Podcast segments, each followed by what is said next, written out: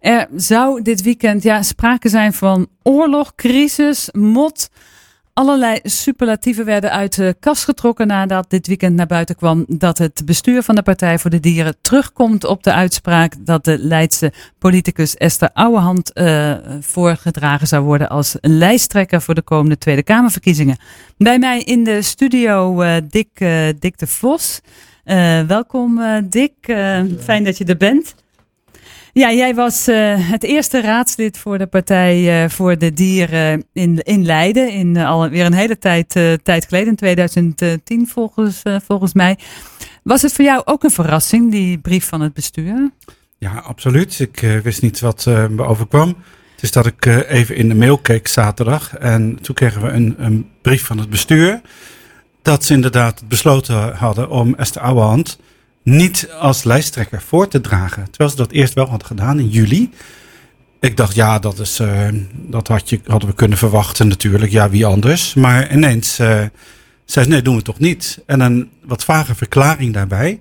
Dat er signalen van integriteit, van niet-integriteit dus, waren binnengekomen.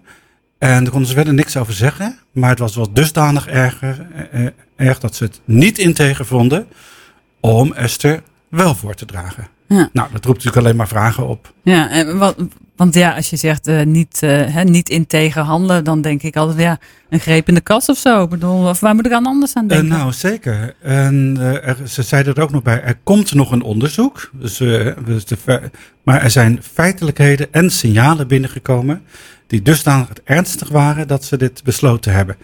Ja, maar denk ik dan aan, inderdaad, dat moet dan wel een strafbaar feit zijn. Een aanranding of uh, greep in de kast of zo.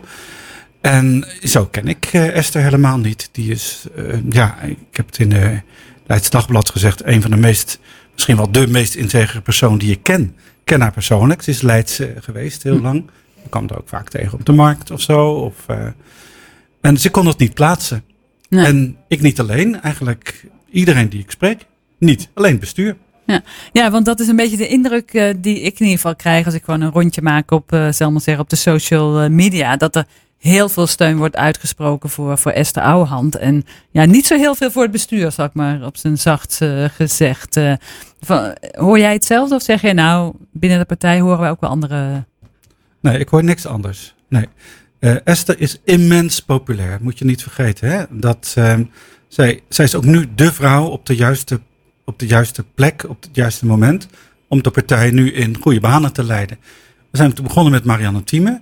Die, had een, uh, ja, die moest zich echt invechten. Dat, uh, dat was echt in de pioniersfase was het ook nodig. Je moet dan geen, geen douche hebben. En nou, dat is absoluut niet. Esther ook niet. Maar die heeft op dit moment wat meer tact, wat meer charme. En die bereikt het op, haar doel op een andere manier.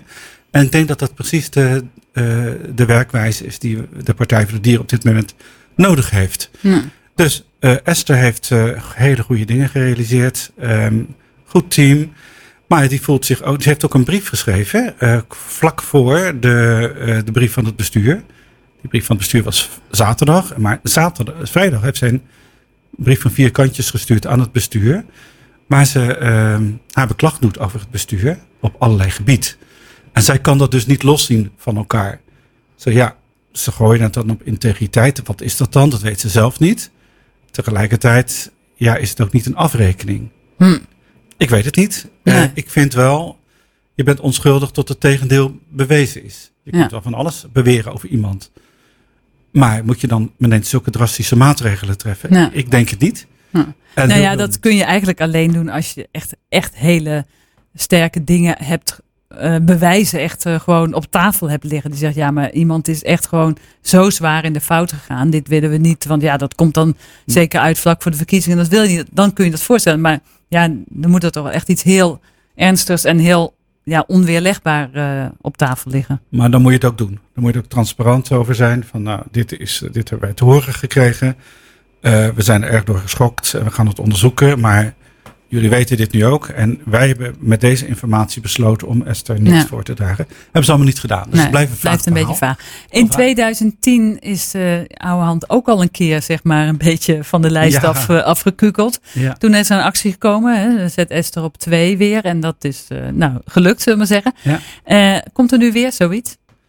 Ja, waarschijnlijk wel. In die Esther op twee actie, daar was ik zelf bij betrokken. Er waren, we waren met een kerngroepje van zes mensen. Waarvan twee eh, eh, volksvertegenwoordigers. Ik en een, een provinciaal statenlid, Rob van Oeveren van Noord-Holland. En vier anderen. En wij hebben een eh, amendement eh, opgesteld. Zo- gaat het dan, hè? Een amendement op de kieslijst. Het erge was, Esther was op dat moment helemaal niet op de kieslijst. Dus ook niet op nummer drie of vier. Daarvan hadden wij toen nog gedacht, nou, zeker een betere gevonden. Ja, kan gebeuren. Wij waren er niet bij. Maar dit vonden wij zo'n vernedering voor Esther. eh, ook geen recht doen aan het goede werk van haar. eh, dat wij een amendement eh, hebben ge- gedaan. Nou, we willen Esther gewoon invoegen op de kieslijst. Dus de toenmalige nummer 2 werd nummer 3 en, en nummer 4 enzovoort. Maar Esther op 2. Esther zei ook zelf, ik had nou contact met haar toen. Ik wil niet op 1. Ik wil op 2, want dat is mijn plek waar ik me lekker bij voel. Ja. Nou, het is gelukt. Met een eh, ruime meerderheid is dat gelukt. Ehm, het heeft het bestuur dus bakzeil gehaald. En ik verwacht nu hetzelfde. Maar ja, eigenlijk eh, zijn we daar nog niet. Want er is nu een, een brief naar het bestuur uitgegaan. Door, ik geloof, 38 volksvertegen- fractievoorzitters ondertekend. En ik heb hem ook ondertekend, maar dan op een eh, ander blaadje. waarin het bestuur wordt gevraagd af te treden. Ja. Van, ze, we hebben meer vertrouwen in Esther Ouwehand en de koers die zij voorstaat. Dan met het bestuur. Ja, dat is natuurlijk wel een beetje, eh, ik zou maar zeggen, een triest eh, gegeven. Zo, eh, nou ja, goed twee maanden voor, voor de Tweede Kamerverkiezingen. Ze zeggen altijd, kiezers houden niet, niet van gedoe. Gaat de partij dit ja, overleven? Want ja, in de peilingen stond de Partij voor Dieren allemaal supergoed ervoor. Ja, ik denk het eigenlijk wel. Want blijkbaar was er iets aan het broeien ondershuids. Wat dan, waar wij toch... Esther is ook overspannen geweest eventjes. Uh, kort geleden is ze weer teruggekomen. En dat komt door dit soort spanningen. Er waren al blijkbaar al uh, gesprekken over bepaalde aansturing van de fractie. Die lijnrecht tegen tegenover elkaar stonden. Nou, dit is er nu uit. Dit wordt uitgesproken. Eigenlijk kun je zeggen, het uh, is opengebarsten. Uh, nou, nu moeten we natuurlijk uh, schoonmaken en weer gaan genezen. Ik denk zelf dat de partij hier sterker uit naar voren komt. Want uh, ja, het is niet zo dat we elkaar nu allemaal voor rotte vis uh, uitmaken. Het is allemaal heel triest. Ook voor de bestuursleden en voor de oprichters van de partij. En ja, die, die moet je ook een way out gunnen. Hm. Uh, die willen dit natuurlijk ook niet. En die hebben ook een bijdrage geleverd. Het is niet zo dat er nu een koep is van nieuwlichters die het overneemt. Nee, het is echt uit zorg van de voor de partij dat het nu een andere kant uit moet gaan. Hm. En is nu zeg maar de keuze op 24 september, uh, als het congres is van de Partij voor de Dieren, het is of oude hand of het bestuur? Nou, ik kan me niet voorstellen dat het bestuur aanblijft in deze. Dus um, het wordt oude hand, zeker. Um, ik, ik weet, het is allemaal nu in de toekomst kijken, dus niemand weet dat. Uh, iedereen zal nu druk aan, het, druk aan het vergaderen zijn en zijn knopen tellen. Um, maar uh, ik, ik, ik zou ook niet weten wie, wie, wie gaat het bestuur dan voordragen. Wie zou dat ook aandurven en willen? In de wetenschap dat de hele partij zich achter Esther schaart. Dus ja. wie, wie doet dat? Wie ja. steekt zijn nek uit? Ja, dat is niet echt een uh, benijdenswaardige positie. Nee. Uh, jij, jij, staat niet vooraan, Dick, begrijp ik. nou, ik, wil, ik, heb afscheid genomen van de politiek. Ik ben nu lekker bij de Bomenbond bezig. Uh, nee, zeker niet. Nee. maar er wordt wel gedacht over, ja, wie gaat dan dat, dat inter, gaat, komt er een interim bestuur? Hm. Ja. Of, ja, de, de, de, de vraag van, van, die, van die 38 mensen was, treedt, uh, terug als bestuur, als geheel. Maar het zou ook nog kunnen dat uh, er een paar terugtreden en dat er nog een soort rompenbestuur overblijft. Ja. Die het dan een beetje in goede banen uh, leidt. Het is een hele spannende tijd, een super drukke tijd. Want de verkiezingen ja. staan voor de deur. 7 oktober moeten de kandidatenlijsten worden ingeleverd. Daarover moet gestemd worden op 24 september. Daarna heb je natuurlijk nog eventuele mutaties. Van je bent op die lijst, ja. wil je dat? ontzettend drukke tijd is dat. Ja. Eigenlijk kun je dit soort gedoe er niet bij hebben. Maar ja, goed, het is er en inmiddels. Uh, dankjewel, uh, Dick, dat je even naar de studio uh, wilde komen om erover ja, te praten. Dat is ook politiek. Heel veel sterkte. Dankjewel.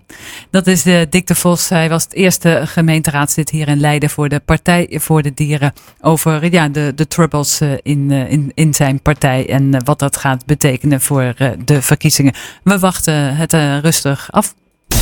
Actueel nieuws uit Leiden en de regio hoor je iedere werkdag van 5 tot 6 in Nieuws 071 op Sleutelstad.